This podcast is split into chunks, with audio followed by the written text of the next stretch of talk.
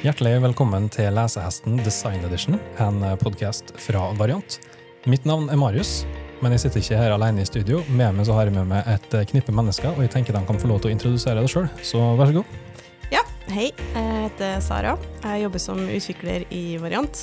Jeg jobber hovedsakelig med fronten. Jeg er også mangfoldsansvarlig i Variant, og veldig opptatt av å få flere kvinner inn i tech-bransjen. Neste person. Ja. Hei, jeg heter Lotta Lind og jobber som eh, tjenestedesigner. Og eh, ja, jeg er også ansvarlig for markedsføring eh, i Variant Trondheim. Eh, og er SOSKOM-leder Kult. også. Og siste person. Ja, jeg heter Hilde. Jobber som designer i Variant Trondheim. Jeg er også fagleder innenfor design. Og mitt navn, som jeg allerede har sagt, som er Marius. Eh, Jeg jobba som produktleder. eh, Tidligere vært utvikler. Så har jeg tatt eh, den foreløpig ganske korte reisen inn i produktledelse, da. Men jeg tror vi er nødt til å starte så smått med å fortelle hva lesehesten er for noe. Eh, Mm. For jeg tror ganske mange ikke helt vet hva det er. Eh, Det er noen som har lyst til å begi seg ut på hva det rare konseptet her egentlig er for noe?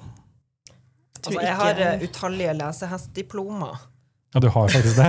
Altså, jeg var liksom klassens lesehest Oh. på barneskolen. Altså, ikke for å skryte. Har du putta det på CV-en? Nei, Nei? det burde kanskje vært en tag i Ja, for jeg har vel lest veldig lite. Jeg er mer sånn serieperson. Jeg ser alt på TV. Men uh, Du er sånn leseponni, med andre ord? eh, ja, Ja. kanskje det. Ja. Men det finnes jo en lesehestutvikling. Mm. Eh, der har ikke jeg vært med, men det har sikkert du, Marius. Nei, Jeg har faktisk ikke det heller. Eh, men jeg har hørt på den, Ja. eh, som en slags form for forberedelse til denne episoden. Eh, kort fortalt så er jo det her et konsept der alle vi som sitter i det rommet her, har lest en bok sammen. si. Vi har ikke lest den sammen, men vi har lest den samme boka. Mm. Og nå sitter vi her og skal diskutere den. Eller reflektere. Eller krangle. Eller hva enn vi ender opp med å gjøre Ja. eh, om den boka. Mm. Hvilken bok har vi lest og tatt med oss inn i studio i dag? Vi har lest uh, 'Invisible Women' av uh, Caroline Criado Paris. Mhm. Eller 'Usynlige kvinner', som den heter på norsk. Uh, det var ei bok som jeg først egentlig ordentlig ble kjent med når jeg var på et foredrag med hun litt før jul. Fordi da kom hun til Trondheim og presenterte boka si i forbindelse med en nylansering av at den var oversatt til norsk. Da. Det er kult. Mm. Og jeg det sånn at du har fått boka di signert da? Ja, har um, boka mi signert. Her står det 'For Sarah, be visible'. Sånn veldig kul autograf. Det er veldig stilig. Mm. Vi, vi er nødt til å sette scenen her. Eh, vi må for, prøve å forklare hva det overordna temaet til boka er for noe. Mm. Eh, det er jo som du allerede har sagt, den heter 'Usynlige kvinner'. Men det må bety noe. Og hva betyr det i denne konteksten? Nei, altså, det handler jo nå Forfatteren har jo gravd veldig i eh, veldig mye data. Eh, om liksom Og egentlig avdekt hvor mye data som mangler om kvinner eh, på veldig mange områder. Eh, og sett litt på hvordan det påvirker da, kvinner i veldig mange ulike områder av samfunnet. Eh, da snakker vi design av produkter. Vi snakker om eh, transport. Samfunnsutvikling. Eh, Så det er veldig sånn uh, altomfattende, egentlig, det som hun har uh, avdekt i de, i de studiene hun har gjort. I, uh, ja, Hun gjennomgår veldig mye sånn datasett. Mm. Og så ser vi ganske store konsekvenser av det nå, når det blir tatt i bruk mer og mer AI. Eh, at eh, når det datasettet er mest eh, menn, eller eh, ikke kvinner, så eh, gjør det at AI-ene favoriserer menn, da. Eller ikke forstår kvinner. Litt av eh, problemet er sånn som Jeg tror alle her egentlig har sin egen form for tolkning av boka, og den har betydd litt forskjellig for forskjellige av oss. Mm. Eh, personlig, som jeg, altså, jeg følte at jeg var truffet av den boka her, da. Eh, fordi at, først og fremst, den handla ikke om meg, eh, men den snakka til meg, føler jeg. Eh, fordi at jeg laga system. Eh, jeg har ikke til hensikt å diskriminere noen. Men ved å ta utgangspunkt i et datasett som jeg antar er representativt, så er jeg det allikevel. At det datasettet er nødvendigvis ikke representativt. Mm. Det består av data som kanskje er en brøkdel kvinner. Og på den måten så lager man system som rett og slett er diskriminerende. Ja. Og det, for meg var det hårreisende. Eh, for det har jeg ikke tenkt på i det hele tatt. Jeg har bare levd mitt litt sånn semi-ignorante liv og tenkt at det her, går da bra. ja, men altså, det er sant. Men jeg tror ikke du Ja. må være mann for å lese den boka og bli overraska over en del ting. For du ble overraska. Ja, jeg ble overraska over mange ting. Altså, spesielt ene var liksom hvordan også samfunnsutviklinga, altså byutvikling og hvordan man velger å bygge ut områder, Mm. eh, hvordan det også favoriserer menn. Hvordan man planlegger kollektivtrafikken. Hvordan det favoriserer reisemønster til menn. Mm. Uh, ja. Mm. Hva, var, hva var liksom for, i, og, med at du har eh, signaturen til Ja. forfatteren i boka di, Mm. så antar jeg at det er en bok som du trykka nær til ditt hjerte. Ja. Eh, Eller i hvert fall temaet, da. Ja. Eh, for jeg- mye av det her har jeg jo eh, lest om fra før av. Men det var også mange ting som jeg òg ble litt sånn overraska av. Ehm, men som eh, kvinne i IT-bransjen så har jeg alltid kjent på at jeg har vært i mindretall. Eh, og jeg har alltid vært den som har kjempa for eh, å tenke på brukere eh, som flere typer folk, og ikke bare menn. Så eh, jeg har vært bevisst eh, problemet ganske lenge. Ehm, men ja, det var veldig mange ting som sto i den boka her som jeg har vært eh, eh, kanskje litt sånn lei meg av, egentlig. Mm. Litt sånn kjipt. Jeg Sånn- tok meg litt i å bli sint av og til. Ja. Og så Ja. ville jeg liksom ikke være sånn der sint kvinne. Nei. Og det er også liksom sånn, vi, For et kvinne skal ikke lov, få lov til å være sint. Ja. Så det blir jo liksom Ja, vi feiler det òg. ja. Vi hadde, vi hadde opprinnelig tenkt å putte en disclaimer helt i starten av denne episoden, her, som vi kom på nå. at vi Ja, må putte ja, ja, Eh, For det kan være greit å nevne det. Eh, vi er ikke eksperter på feminisme. Eh, noen av oss er dyktigere på mangfold enn andre. Jeg peker på det, Sara, i og med at du er mangfoldsansvarlig. uh, men ingen av oss er egentlig eksperter på det heller. Nei. Men det viktige her er at vi snakker om det. Mm. Eh, få det på agendaen, eh, slik at vi er en gang i en eh, forhåpentligvis eh, foreseeable future klarer å gjøre noe med det her. Ja. Mm. Og det starta på mange måter med oss og alle de andre. Til og med du som lytter på. Da har vi tatt den disclaimeren. Ja. Ja. Ok. Um, og så kan man liksom Boka handler jo om mangelen av data. Og data bruker man som oftest i utvikling, og så kan sikkert noen lure på hvorfor er dette en designpodkast. Um, det kan ha noe med at vi tror at en del av løsningen ligger i design. Um, og det skal vi garantert komme tilbake på. Mm. Føler vi oss ferdig med å ha definert problemet? Er det andre ting vi føler at vi burde påpeke? Som den boka, altså Det er uendelig med eksempel i den boka her, og for du som lytter på og tenker at oi, det her var semi-interessant, les boka. Mm. Jeg vil legge til en ting. Ehm, det det kommer ned til, da, er jo at pga. datamangel så er det ikke likestilling. Um, og selv om mange vil si at Norge er et uh, veldig godt likestilt land, så er det ikke det. Eh, Vi har fortsatt en vei å gå. Og selv om vi har det bedre enn andre land, så betyr ikke det at vi skal stoppe nå. Vi må fortsette å kjempe for reell likestilling. Absolutt. Mm. Og du og jeg, Lottalein, vi hadde en samtale her før de andre kom i studio i dag, Mm. eh, som jeg kunne tenkt meg å vært litt innom igjen, for jeg syns temaet er veldig interessant. Fordi at, og det her er en digresjon, jeg er klar over det. Ja. Eh, men det handla litt om eh, det å reagere på ting. Eh, og og da, du, da vi satt og snakka om det, så kalte du det woke-bevegelsen, og så dro det oss inn i en, en samtale rundt det å reagere på ting. Mm. Um, og for min del, jeg husker da Det høres jeg ufattelig gammel ut, men da jeg først på en måte satt meg ned og satt meg inn i feminisme, Mm. som man er nødt til å gjøre. Man må være såpass ærlig, det er ikke noe som nødvendigvis kommer for en helt naturlig. Men da jeg satte meg ned for å sette meg inn i det, så innså jeg at Og, og så jeg begynte å se litt sånn mønster, at det må ekstreme reaksjoner til for å oppnå de tingene man ønsker å oppnå. Ja.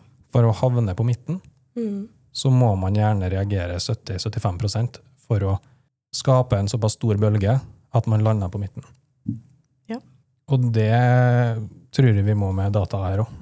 Mm. Vi må reagere ekstraordinært. Mm. Litt av poenget i, mm, i boka også, da, er at eh, du må si fra når det er noe som oppleves urettferdig. Og det trenger ikke være noe du har opplevd sjøl. Eh, du kan også si fra på vegne av noen andre. Det som er viktig, er å være bevisst på at det er eh, ja, det ikke er likestilling nå. Mm. Mm. Skal vi se. Vi har vært innom hva problemet er, og prøvd å definere det. Eh, og jeg tror vi så smått er nødt til å, å snakke litt om hvor problemet stammer fra. Mm. Det er varierende grad av lengde siden vi leste den boka her, alle sammen. Så det er ikke gitt at alle husker nøyaktig hva det her handler om. Men du, eh, før vi, vi begynte å ta opp Hilde, snakka om en ting. Som, Hva kalte du det? For jeg klarer ikke å uttale ordet engang. Eh, meritokratiet, hva det du tenkte på? Meritokrati. Ja. Hva er det? Nei, skal vi prøve å definere det, da? Ja, nei, jeg er jo ikke noe vandrende Wikipedia. Eh, men sånn som jeg har skjønt det, så eh, handler det om en sånn idé om at man kommer seg opp og frem i verden basert på det man presterer. Eh, og at det er en sånn eh, objektiv ting som skjer, og du blir belønna for. Eh, men så eh, går man jo egentlig og sier at nei, det er faktisk en myte. For at man klarer ikke å være så nøytral at man ikke blir påvirka av liksom stereotyper eller eh, altså bias man har fra før av. Mm. Um, så det er veldig vanskelig å si at ja, den personen faktisk ble forfremma i den stillinga eh, framfor en annen. Og det var helt objektivt. Mm. Ja, det her, eh, hvor i verden kan man, finnes det plasser der man kan oppleve et sånn meritokrati? Eller sånn som jeg skjønte det, så er det veldig fremtredende i USA, Mm. kanskje spesielt. Eh, og gjerne i kapitalistiske samfunn. Og de som på en måte prøver å opprettholde denne ideen om at meritokratiet både eksisterer, men også at det, at det er ekte, da, Mm. eh, er jo gjerne den hvite overklassen. da. De som ikke nødvendigvis blir ramma av det sjøl. Ja, sant. Så det, det opererer på en sånn antakelse av at, at alle utelukkende er vurdert på sine meritter, men pga. at man har generell diskriminering i samfunnet, så stemmer ikke det, og det funker ikke. Mm. Det, kan jo, altså det kan jo funke i noen tilfeller. Mm. For eksempel eh, Det ble gjort en sånn hva heter det, undersøkelse, eller det var forska på. Hvis du sendte inn en søknad og CV eh, uten navn, eller med et kjønnsnøytralt navn, eh, så ble det sendt ut samme søknaden, samme CV-en, til eh, x antall bedrifter. Eh, og da, når du ikke signerte med navn, som ikke liksom antyda at du, du hørte et, det ene eller det andre, eller noen andre kjønn, em, så var det ganske lik prosent ansettelse av dem. Eh, men med en gang du signerte enten Anna eller Alex, eh, så var det i hovedsak Alex som ble ansatt, og Mm. ikke Anna. Fordi at en, ja, hun, Anna hun ble eh, oppfatta som mindre kompetent enn Alex, selv om det var akkurat samme CV og akkurat samme søknad. Mm. Og det er jo en sånn ting man. Har hørt veldig mange eksempler av. Mm. Eh, et annet eksempel fra boka er jo også Jeg tror det var et orkester eller noe sånt, men de hadde i hvert fall auditions for å få være med, da. Um, og de, hadde, de sleit jo med lav kvinneandel. Uh, men det de gjorde, var at de introduserte en skjerm, sånn at når de prøvespilte, så kunne de ikke se personen.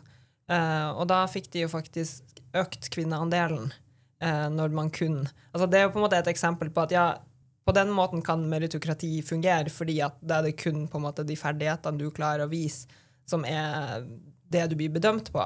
Mm. Eh, men det er veldig få sånne situasjoner Mm. eh, i verden, egentlig. Det er realistisk å skape sånne rammer rundt da. Mm. Ja, og en forlengelse av det var jo eh, pianister, eh, der det ble gjort en eh, Det var kanskje i ettertid en analyse på hvor, eh, hvor mange av de topp ti eh, pianistene i verden var, var kvinner.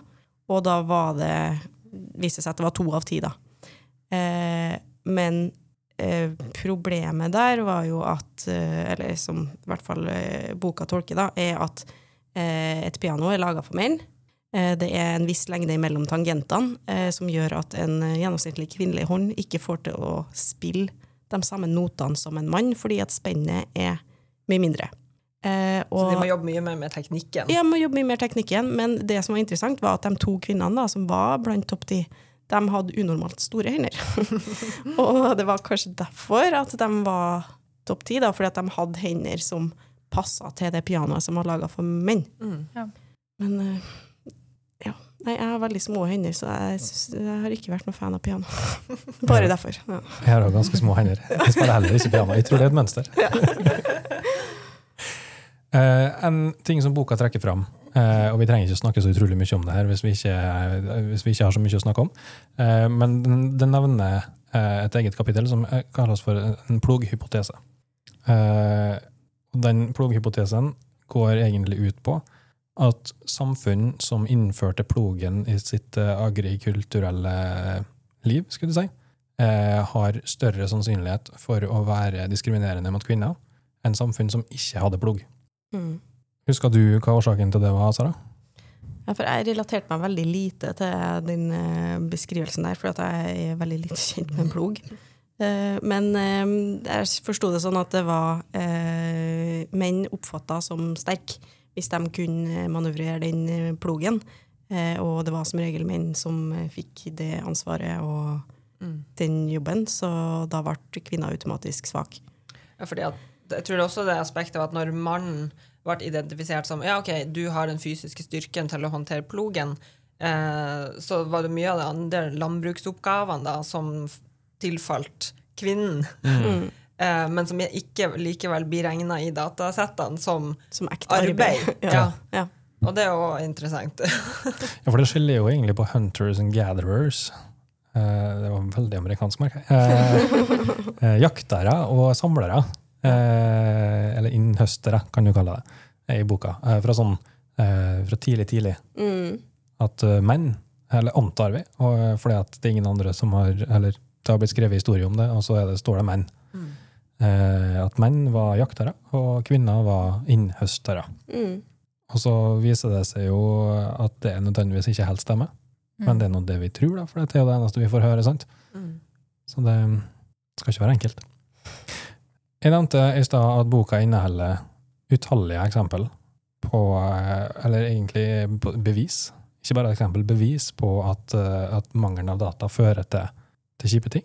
Fører Mm. til diskriminering. Det er både intensjonelt og uintensjonelt. Og før vi satte i gang, så, så valgte vi oss ut et par favoritter. Ikke med positivt fortegn, eh, men gjerne overraskende ting som vi leste i boka, som var bevis på at dette er et problem. Og jeg lurer på, Lottalin, hva var din favoritt? Uh, ja, min favoritt er jo da arbeidsklær.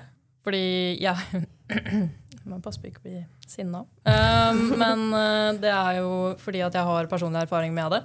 Eh, og at det, det er jo designet for menn. Men det passer jo ikke kvinner. Altså, vi har jo eh, Altså, alle har jo forskjellige kropper, men det er jo litt forskjellige proporsjoner på menn og kvinner spesielt. Og spesielt da arbeidsbukser. Eh, skulle ha det til eh, fordi jeg skulle på verkstedet og skulle ha et par arbeidsbukser for noen år siden. Og altså, de passer jo ikke i form. Eh, og ja. Det er jo helt uh, umulig å få det til å passe på en kvinnekropp fordi det er laget til menn. Uh, Og så får du for, for lang og for vanskelig å sy opp. ja, det jo. Jeg prøvde jo å sy, sy den opp øh, og inn, øh, fordi den var jo altfor stor i livet og øh, for liten rundt hoftene. Og altfor lang, da, som du sier. Mm. Og når man skal sy, sy de opp også, så er det jo et utrolig tykt stoff. Så det, ja, det var veldig vanskelig.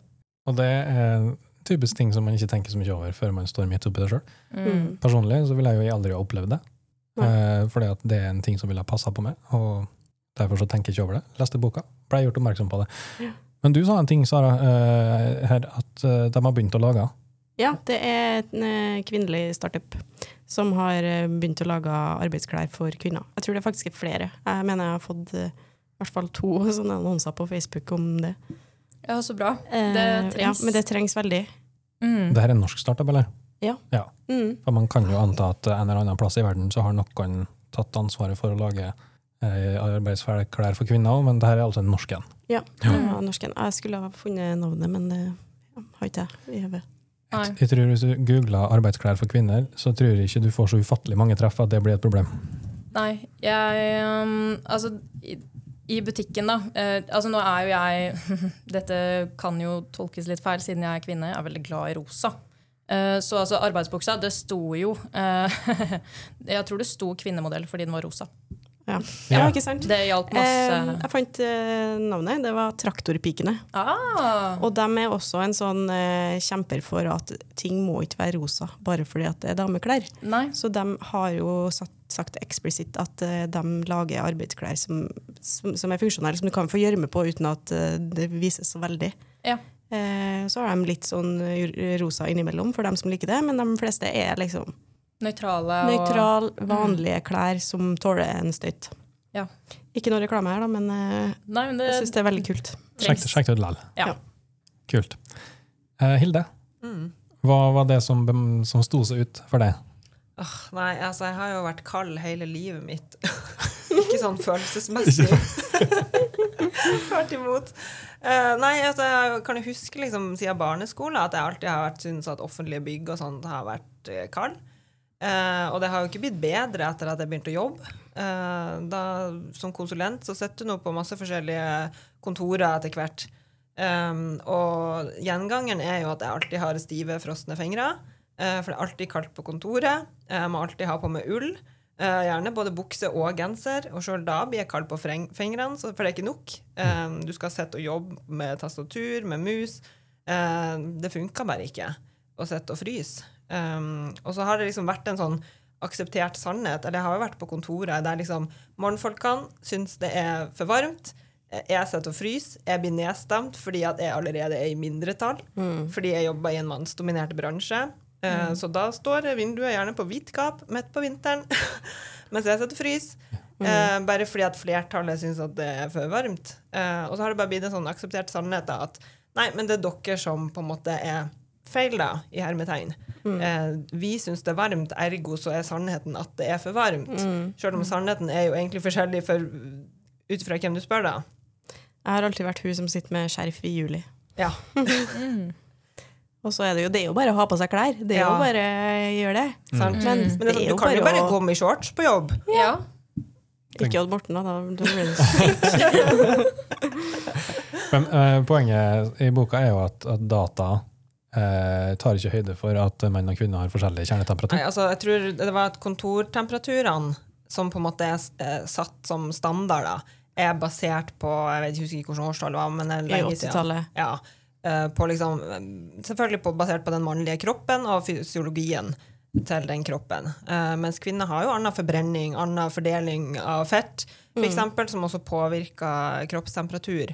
Eh, og i tillegg så blir altså, vi får faktisk nedsatt produktivitet Mm. på jobb av å sitte og fryse. Eh, det er òg en kostnad Mm. for bedriften. Mm.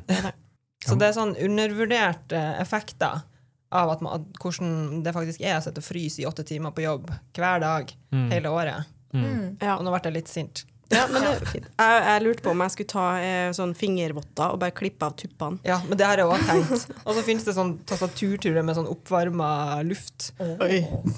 Men det skal ikke være nødvendig. Nei, det skal ikke være nødvendig. Nei, hvorfor må de defaulten være? For det er egentlig det som irriterer meg mest. Det er ikke så mye at ja, jeg sitter og fryser, men det er liksom at vi aksepterer at de defaulten er et uh, snitt som er tilpassa mannen, da. Mm. Når det er 50-50 cirka eh, Ja. i befolkninga. ja. Mm. Ja, nei, altså Det var Enig. min eh, tirade. Ja, bra det. Få det ut, tenker jeg. Eh, Sara, jeg regner med at du har Ja. minst en. Ja, eh, lurer på hvordan jeg skal ta først. Ja. eh, bil er jo veldig typisk å ta opp. Eh, spesielt det med setebelter og eh, med krasjdokker. Setebelter er jo ikke tilpassa kvinners eh, anatomi. Det er bare testa på mannlige krasjdokker. Eh, og du skal ha Når biler testes, så skal du ha to frontkollisjonstester og to bakkollisjonstester. Eh, og i tre av dem så er det menn. Eh, og i den ene er det faktisk anbefalt da, å ha en kvinnelig testdokke. Men den kvinnelige testdokka, eh, hun er egentlig ikke en kvinne. Hun er bare en litt mindre mann. eh, og sitter dessuten i passasjersetet. Så eh, tydeligvis Som jo kvinnen alltid gjør. ja, så det, for det finnes ikke kvinnelige um, førere. Men uansett, det var egentlig ikke det jeg skulle snakke om, men jeg måtte bare si det. Um, fordi det jeg ble litt sjokkert over, det var det med uh, reisesyke, eller altså bilsyke. For jeg blir veldig kvalm når jeg sitter på bil, og når jeg sitter på buss. Ehm, og det, eh, det, det som ble presentert i boka, da, det var at eh, kvinner har annet eh, heter bevegelsesmønster enn menn, og oppfatter også eh, bevegelse annerledes. Så når kvinner kjører, så blir hun som regel ikke bilsyk. Og det stemmer i mitt tilfelle òg, for da har jeg kontroll, og da vet jeg eh, hvor neste sving kommer. Da kan jeg kompensere for det i, i forveien. Men eh, hvis jeg sitter på, så blir jeg kjempekvalm. Eh, og en ting som jeg ble litt sjokkert over, da, eller sånn, ikke som jeg ikke har tenkt over da, eh, i boka, det var jo at passasjersetene er jo også tilpassa menn. Så verken puta du sitter på, eh, rygg, ryggen eller hodestøtta er tilpassa kvinner. Eh, og det kan være at grunnen til at jeg blir bilsyk, er fordi at det er feil, feil pro, pro, proporsjoner da, på de eh, delene av en bilstol. Eh, ja, som har vært litt sånn Oi, shit, er, er det pga. det? Går det an å bytte ut denne hodestøtta? Det, du kan jo ta den av. Kanskje går det an å bytte ut til noe som passer kvinner bedre? Kanskje med litt demping, eller noe sånt. Eh, men eh, ja, Jeg leste ne- nylig at For jeg liksom driver og sonderer bilmarkedet. ja. Sjokking, jeg vet. Eh, men, eh, men da mener jeg husk at det var en leverandør som reklamerte med at nå kan du justere på en måte beltet og høyden på det, for det er jo et problem. At liksom, når du har en mindre kropp, Mm. eh, så blir beltet feil plassert da i forhold til kroppen, og da blir du også utsatt for mer skade da ved en eventuell Ja. kollisjon. da. Mm. Eh, så det, det er jo noen sånne kan du si, skritt i, i I rett riktig retning, retning. Ja. men det er fortsatt uh, en vei å gå der, da. ja. Mm. Og så må vi prøve så langt det går an å velge å kjøpe biler som bruker kvinnelige testdokker eh, i sine krasjtester. Eh, og ha en sånn ja, digital protest på det òg, da. Mm. Eh, fordi nå er det valgfritt om du vil teste med kvinnelige dokker.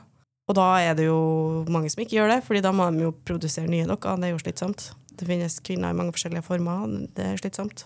Der har jo vi også som designere egentlig et, både et særskilt Mm. ansvar, Ja. men også en mulighet eh, til å sørge for at vi får eh, god bredde i personer vi tester produkter for. Mm. Ja. Mm. Og det tenkte jeg vi veldig snart skal komme oss inn på. Eh, Så skal vi, etter vi har fått presentert litt utfordringer, så skal vi prøve å snakke litt løsninger. Mm. Men du hadde en ting til, da, Sara? Ja, eh, det var det med prevensjon. Eh, fordi det har jo alltid Hva skal jeg si alltid? Ja. Siden prevensjonen kom, da, så har det ofte vært kvinnens ansvar å bruke prevensjon, sånn at du ikke fikk barn uønska. Eh, kvinner har jo tatt det ansvaret her egentlig uten å, å stille spørsmål, og har putta masse piller i kroppen eller implanter i kroppen uten å egentlig visst eh, konsekvensene av det. Eller jeg er jo i hvert fall ikke det når jeg var 16 og begynte på p-piller, liksom. Um, men det viser jo seg at det er, kan jo være direkte livsfarlig. Du kan få blodpropp. Ehm, og det jeg skulle si, da, det var at det er ikke før eh, kvinner tar eh, hva skal jeg si, tak i problemet og eh, gjør noe med det, at det blir innført alternativ. Mm. Eh, fordi det er bare de siste årene at det har kommet eh, eh, hormone... Altså eh, P-piller for menn. Ja, p-piller for menn, det er én ting, men også eh, hormonellfri prevensjon. Mm. Eh, som er basert på noe annet enn eh, ja, eh, fysisk prevensjon eller eh, gift som du putter inn i kroppen. Da. Jeg skal ikke være veldig politisk, men, men eh, poenget er at det finnes eh, nå en app, minst én, sikkert flere, to i hvert fall, som jeg vet om, som kan kalkulere om en kvinne er fruktbar eller ikke, basert på basetemperatur. Så det jeg bruker nå, da, jeg bruker en sånn smartring som måler temperaturen min, eh, og som sender den infoen til en annen app som heter Natural Cycles, eh, som eh, registrerer hvordan syklusen min er, da. Og det har jeg egentlig ikke hatt noe bevisst forhold til før eh, jeg fant ut at eh, p-piller kunne være skadelig. og det var først da at jeg liksom tenkte over at ok, kanskje jeg skal se om det finnes noe alternativ. Mm. Um, Så det er litt sånn, litt sånn sammensatt eh, hva skal jeg si, problem, det her, da. Men eh, det ene er jo at eh, prevensjonsmulighetene er for dårlige. Menn vil jo ikke ta p-piller, eh, så hvorfor skal kvinner gjøre det?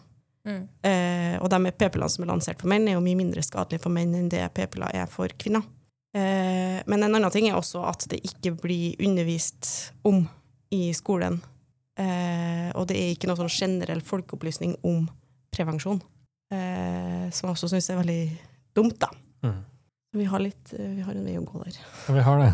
Eh, jeg tenkte jeg skulle legge til noe der. Eh, fordi at det, det som du sier, det finnes p-piller for menn. Eh, men nettopp nå eh, leste jeg, for en ukes tid siden, så har det kommet nye p-piller for menn. Ja. Eh, fordi at det var noen menn som syntes det var helt sykt at menn skulle begynne å proppe hormonelle greier i kroppen sin. Eh, hvordan i alle verdens dager kan man akseptere sånn? Så da satte de alle kluter til og lagde noen p-piller som ikke da, eh, var skadelige for menn. Mm. En helt annen type p-pille, som visstnok bare har en, et par dagers virketid. Ja. Eh, som fungerer helt annerledes på kroppen enn en tradisjonell p-pille for kvinner gjør. Mm. Syke greier. Mm. Eh, jeg, jeg, jeg leste det avsnittet der argumentasjonen for hvorfor de hadde jobba videre med utviklinga, Mm. og, og der det argumenteres mot å gjøre det kvinner i alskens mulige år med, som er Ja, jeg blir litt sånn sint på de kvinnene som bare har akseptert at ja, men selvfølgelig skal vi ta p-piller. mm, Uten å eh, liksom kjempe mot det.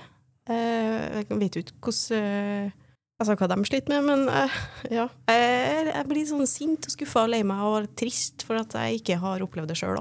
mm, Altså ikke, ikke funnet ut av det før, liksom. mm, At det Men det her er vel også en del av, en del av de tingene som blir tatt opp i boka også, Ja. som går på mangelen på forskning. Mm, på kvinnehelse. forskning. Ja, det er sant. Mm. Eh, Men det var også det hun også fant ut, var at uh, kvinnelige forskere blir mindre sitert Ja. i forskningsverden Mm. enn sine mannlige kollegaer. Ja. Så der òg er det noe, noe bias som på en måte er med på å forsterke de mekanismene som allerede er i spill. Mm. Mm. Jeg tror det er på tide altså Nå har vi gravd oss ned i grøten av ting som er kjipt. Ja. Eh, jeg tror vi må grave oss litt opp av grøten igjen og prøve å snakke om de tinga som, som man kan gjøre. Da. Og som den tidligere utvikleren og produktlederen som jeg, og Sara som den utvikleren hun er, så er vi ekstraordinært interessert i å gjerne høre på designere har, og, og hvilke tiltak kan vi gjøre. Mm. Hva kan vi gjøre? Altså, vi jobber jo med det her i hverdagen vår. Og det vi må gjøre, er jo egentlig å fokusere på eh, et brett når man skal hente inn data, og dokumentere at det er et utvalg, og eventuelle forskjeller da, mellom kjønn. Og hvis det er andre holdt på å si, funksjonsvariasjoner da, som dukker opp.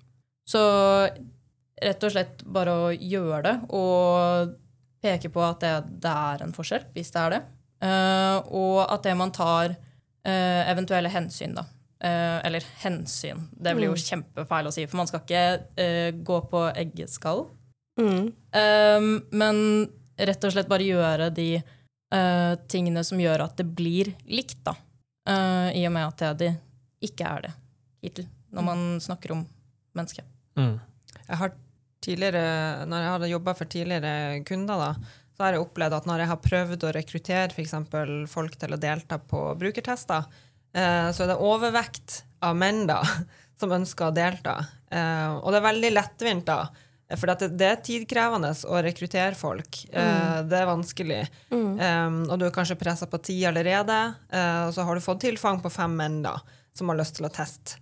Um, men det er da vi har et ansvar om å si nei, men vi kan ikke bare teste her på fem menn og så si at ja, det her er funnene. Uh, for du har utelatt 50% av befolkninga også. Spesielt hvis det, hvis det du jobber med, er noe som eh, har et veldig bredt publikum. Um, og, det har, og så er det noen da som kanskje ville sagt at men det er jo de som er primærmålgruppa, eller det de er interessert da. Uh, men da designer vi jo bare for de. Og det blir litt sånn som det her med mm, For jeg har jobba innenfor transport, uh, så jeg syns det var spesielt interessant det her med hvordan eh, planlegging av f.eks. kollektivtrafikk eller kollektivtransporter påvirker kvinner negativt fordi at man har andre reisemønster. Mm. Kvinner har ofte omsorgsrollen i familien og har mer komplekse reisemønster av den grunn. De henter f.eks. og leverer i barnehage oftere. Eh, de er på butikken eller gjør andre sånne omsorgsærend. eh, som gjør at de har helt andre typer reisemønster. Mens eh, menn eh, kjører jo oftere bil, for eksempel, til jobb. Um, så du var jo inne på, Marius, det her med brøyting, eksempel. Stemmer. Det er jo kanskje en av de tingene som Eller, jeg skal ikke si at det var min favoritt, men det var den som kanskje som var sånn wow.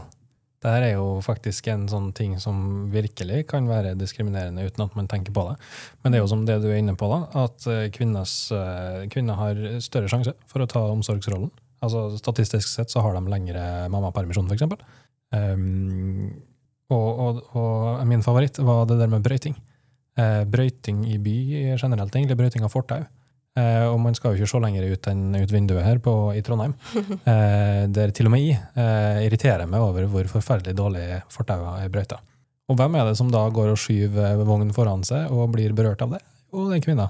Hvem er det som sitter inne i en eh, godt oppvarma bil med et tilpassa sete? Nei, det er gjerne en mann, da. Og en brøyta og salta vei. Brøyta og salta vei.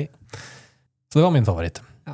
Nei, så, så det ene vi må bli klar over, at når vi f.eks. gjør innsiktsarbeid, at vi klarer å, å sørge for at de personene vi inviterer med inn i det arbeidet, er, har en bredde da, som Mm. representerer alle de brukerne man eh, designer for.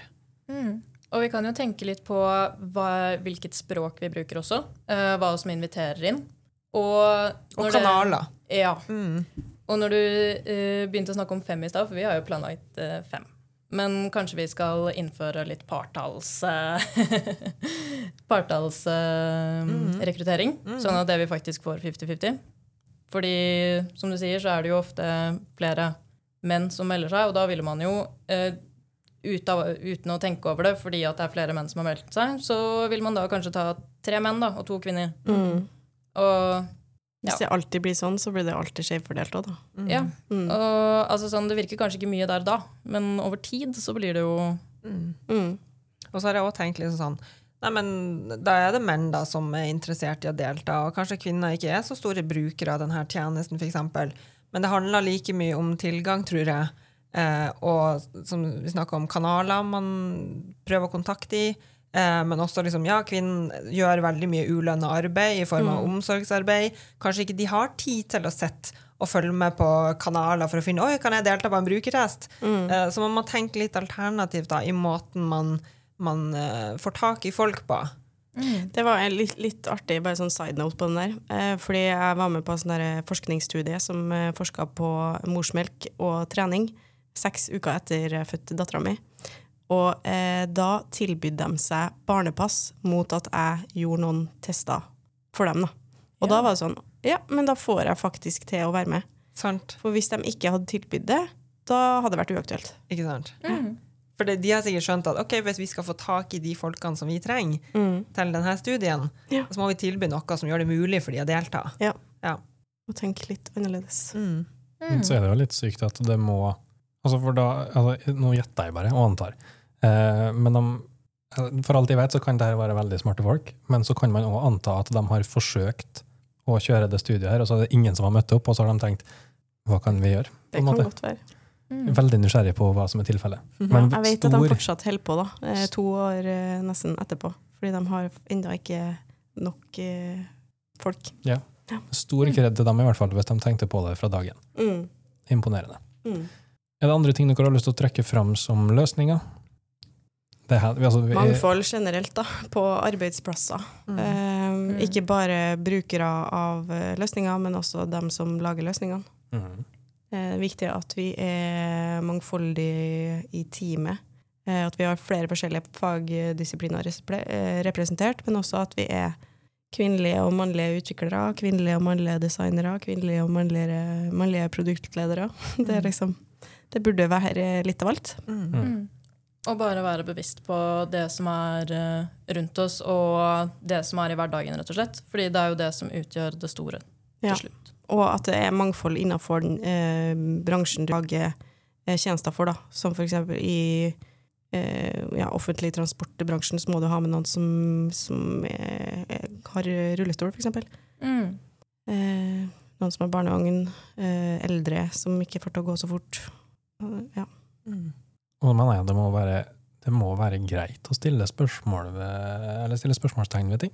Mm. Hvis man Mm. opplever noe som er litt snodig, Mm. spør hvorfor, da vel. Ja. Jeg skjønner at jeg kan sitte litt langt inne, men hvorfor er mitt favorittord har blitt.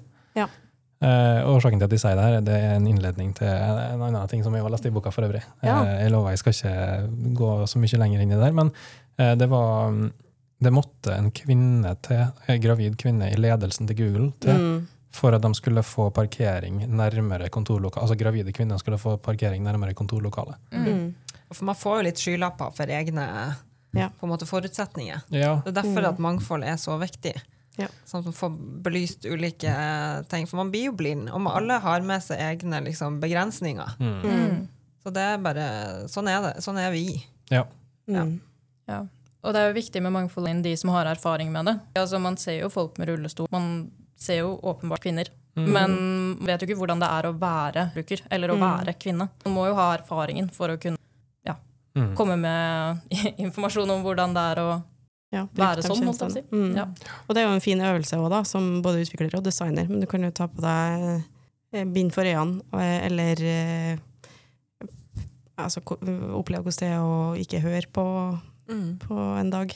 Mm. Bare for å teste de tjenestene som, som blir laga. Mm. Det er jo et sånn veldig konkret uh, designertips. er å prøve å involvere uh, både utviklere, prosjektledere, produkteiere Mm. eh, med på innsiktsarbeid. Mm. For det er veldig empatibyggende å se folk bruke eh, tjenesten eller produktet ditt Mm. Uh, hvis de sliter. Og da ser man på en måte den variasjonen, at alle er ikke helt A4. Mm. Uh, folk syns ulike ting er vanskelig.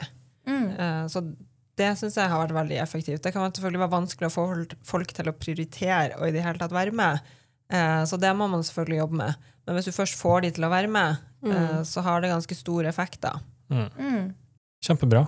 Eh, jeg tenker egentlig vi, vi har dykka nok i boka. Jeg. Mm. Eh, for du som har lytta på og syntes det her hørtes eh, interessant ut, så har vi bare skrapt overflata ved av det den boka her har å by på. Ja. Eh, det er jo egentlig litt hensikten med den podkast-serien her òg. Mm. Det er jo å få du som lytter på, til å bli interessert i boka nok til at du plukker den opp og leser den sjøl. Så med det, eh, er det egentlig, gjenstår det egentlig bare å si, eh, for du som lytta til denne episoden på den dagen den kommer ut, så må vi jo si gratulerer med kvinnedagen. Mm. Ja, gratulerer med kvinnedagen! Og eh, så er det bare å eh, spenne seg fast og gledes til neste episode av Lesehesten Design Edition. Takk for at du lytta på. Ha det bra.